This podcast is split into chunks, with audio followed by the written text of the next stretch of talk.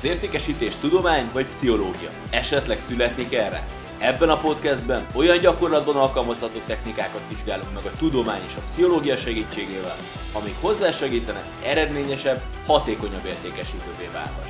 A segítségedre Bartos Gábor, a Hogyan legyél az értékesítés mentális és stratégiai bajnoka című könyv szerzője lesz.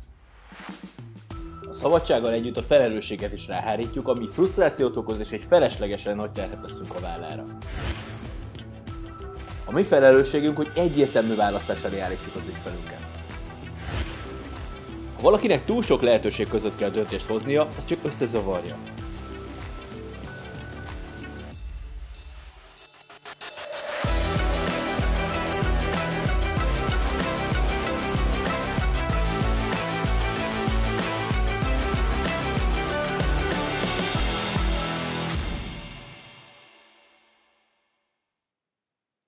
Van egy történet egy kismadárról, aki életében először szeretne repülni. Kiáll a fa tetején lévő ágacskára, de amennyire vágyik a repülésre, ugyanannyira fél az zuhanástól is.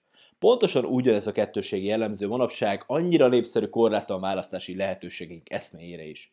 Vágyunk arra, hogy korlátlan számú lehetőségünk legyen, ugyanakkor ezzel együtt megjelenik az alkalmatlanság érzése, a szorongás, a bűntudat, és az érzés, hogy kudarcot vallunk a döntéseinkben, és hogy rosszul választunk.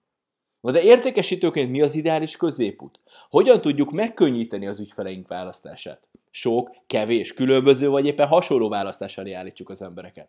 Ezekről fogunk ma beszélni, néhány érdekes példával alátámasztva. Sziasztok, én Bartos Gábor vagyok, ez pedig a Hogyan legyen az értékesítés bajnok a podcast következő epizódja. Manapság szinte minden nap hallhatjuk, hogy korlátlan választási lehetőségünk van, óriási szabadság, amiben bármilyen irányt vehet az életünk. Ez az életüket tekintve valóban óriási lehetőség, viszont az értékesítési munkát tekintve hatalmas korlát is lehet egyben. Minden egyes megbeszélés végén egy döntési helyzet állítjuk az ügyfelünket, és ez a választási szabadság komoly akadályt is jelentett a sikeres üzlet megkötésében. A választás ugyanis, ha nincs jól tálalva, akkor nem megkönnyíti az ügyfelek életét, hanem inkább megnehezíti. Na de mit is értek ez alatt? Több nézőpontból is megközelíthetjük, hogy miért okozhatunk vele fejfájást a másik félnek.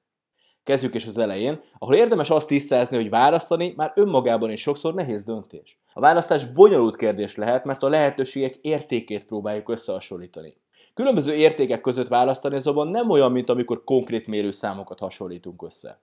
Egy buta példával élve, ha két film hosszúságát nézzük, akkor lehet az egyik rövidebb, hosszabb, vagy pontosan ugyanannyi. Ez egy könnyű választás, ha arról kell döntenünk, hogy melyikre kell kevesebb időt szánnunk. Amikor viszont ki kell választani, hogy melyik film volt jobb, akkor az már nem lesz ennyire egyértelmű választás, mert számos nézőpontot fogunk figyelembe venni.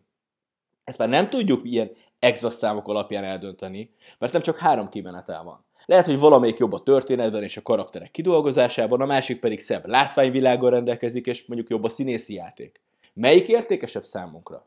Sokszor még két olyan film közül is nehéz az egyiket kiválasztani, amit már láttunk. De képzeld el, ha olyan film közül kell döntened, amiket még nem láttál, csupán néhány információt tudsz róla.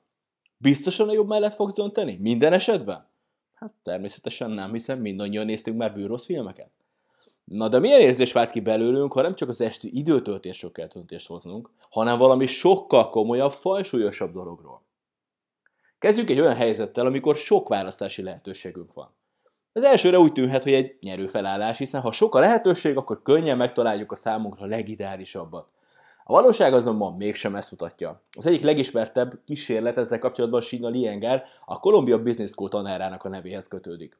Ennek során egy vegyes boltban felállítottak két különböző látványpultot, az egyikben 24 különböző lekvár kapott helyet, míg a másikban csupán 6. Megfigyelték, hogy a több lekvár bemutató pultnál az emberek 60%-a állt meg nézelődni, ezzel szemben a 6 lekvárnál csak 40%-ot mutatott a nézelődők száma. A vásárlások száma azonban drasztikus különbséget mutatott, ugyanis a sok lekvárnál a nézelődők 3%-a, míg a másiknál 30% volt a vásárlási arány. Ez annyit jelent, hogy 100 emberből a nagyobb pultnál 60 állt meg, de csak kettő vásárolt, míg a kisebb pultnál a 40 nézelődőből 12 hazavitt egy üveg lekvárt. A hatszoros különbség egyértelmű választ ad arra, hogy miért ne adjunk túl sok választási lehetőséget. Ha valakinek túl sok lehetőség között kell döntést hoznia, az csak összezavarja, és a választás öröme nem felszabadítja, hanem ellenkező hatást vált ki, és bizonytalanságot kell, tovább frusztrálja, hogy vajon jól döntötte. Amikor túl sok választási lehetősége van valakinek, akkor egy olyan érzés alakul ki benne, hogy ennyi között biztos ott van az, ami 100%-ban tökéletes. Ezzel az előélettel hoz egy döntést, de miután ilyen elvárásokat állított fel, lehet az bármennyire jó. Fel fog merülni a kételj, hogy lehetséges, hogy valamelyik másik még jobb lett volna. Ott fog motoszkálni a fejében a kisördög, a kérdés, hogy lehet, hogy egy másikat kellett volna választani. És sok esetben ilyenkor jelentkezik a megbánás érzése az embereknél. Ez pedig, mint tudjuk, nem sok jóra vezet sem elégedettség, sem a szerződések megtartása jegyében. Ugyanezt támasztja alá egy másik kísérlet, amiben egy befektetési cég egyik esetben 50, másik esetben 5 portfóliója közül kellett választani.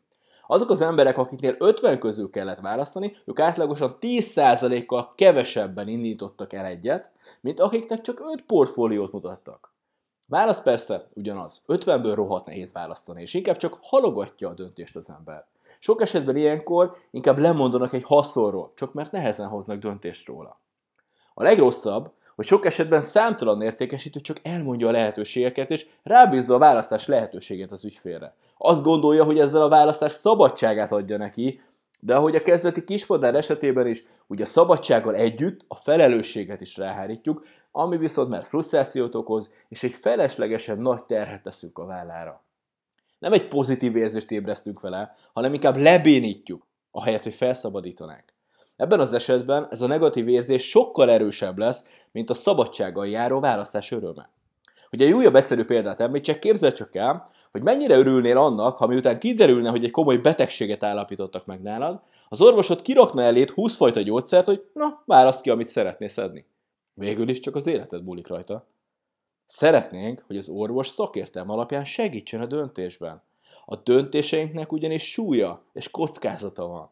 Pontosan ugyanezt történik egy értékesítési tárgyalás során is. A mi felelősségünk, hogy egyértelmű választás elé állítsuk az ügyfelünket, hogy a felelősséget levegyük a válláról, és hogy frusztráció helyett egy pozitív érzés alakuljon ki benne, amit összeköthet a választás tárgyával, vagyis a termékünkkel, vagy a szolgáltatásunkkal, vagy akár magával az üzleti megbeszélés élményével.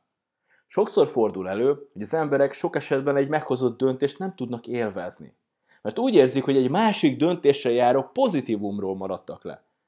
Fontos, hogy figyelembe vegyük ezt a tényt. Amikor egy dolog mellett döntünk, olyankor arról is döntünk, hogy a többit nem választjuk. Lemondunk a többivel járó pozitívumokról, és ez hozhatja elő a korábban említett megbánás érzését is. Mintha az all-inclusive nyaralás alatt azon bánkodnál, hogy lemaradsz a munkahelyi menzán készített heti menüről. De ilyen az agyunk. Ahelyett, hogy élveznénk valamit, valami hülyeségen bánkódunk. Márpedig akármennyire is abszurd, az emberek nagy része ugyanezt csinálja. Keres valamit, amiről lemaradt, ahelyett, hogy értékelni, ami van. Tehát miért is egy jó választás? Egyértelmű különbséget mutat, tehát könnyen megkülönböztethető, és azt az érzést ébreszti fel az ügyfélben, hogy bármelyiket is választja, az jó döntés lesz. Ha esetleg arra is kíváncsi vagy, hogy hány választási lehetőséget érdemes mutatni, akkor hallgass meg az első podcast epizódot a döntéspszichológia témakörben, ahol Dan Örierli, Tom és Jerry is példája választad erre a kérdésre. Legyen sikeres napotok, hamarosan érkezem a következő része, addig is sziasztok!